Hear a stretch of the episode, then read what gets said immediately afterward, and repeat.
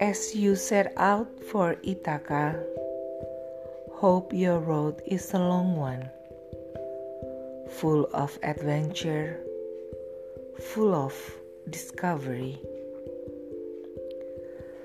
Laestrygonians, Cyclops, angry Poseidon.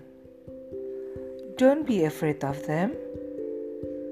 You'll never find things like that on your way as long as you keep your thoughts raised high, as long as a rare excitement stirs your spirit and your body. the Laestrygonians, Cyclops, wild Poseidon, you won't encounter them unless you bring them along inside your soul unless your soul sets them up in front of you. Hope your road is a long one.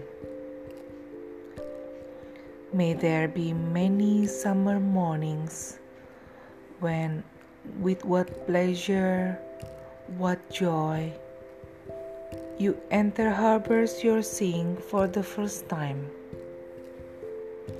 May you stop at Phoenician trading stations to buy fine things, mother of pearl and coral, amber and ebony, sensual perfume of every kind, as many sensual perfumes as you can.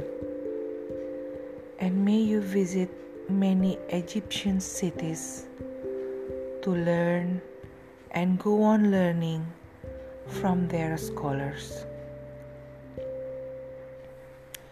Keep Ithaca always in your mind. Arriving there is what you're destined for. But don't hurry the journey at all.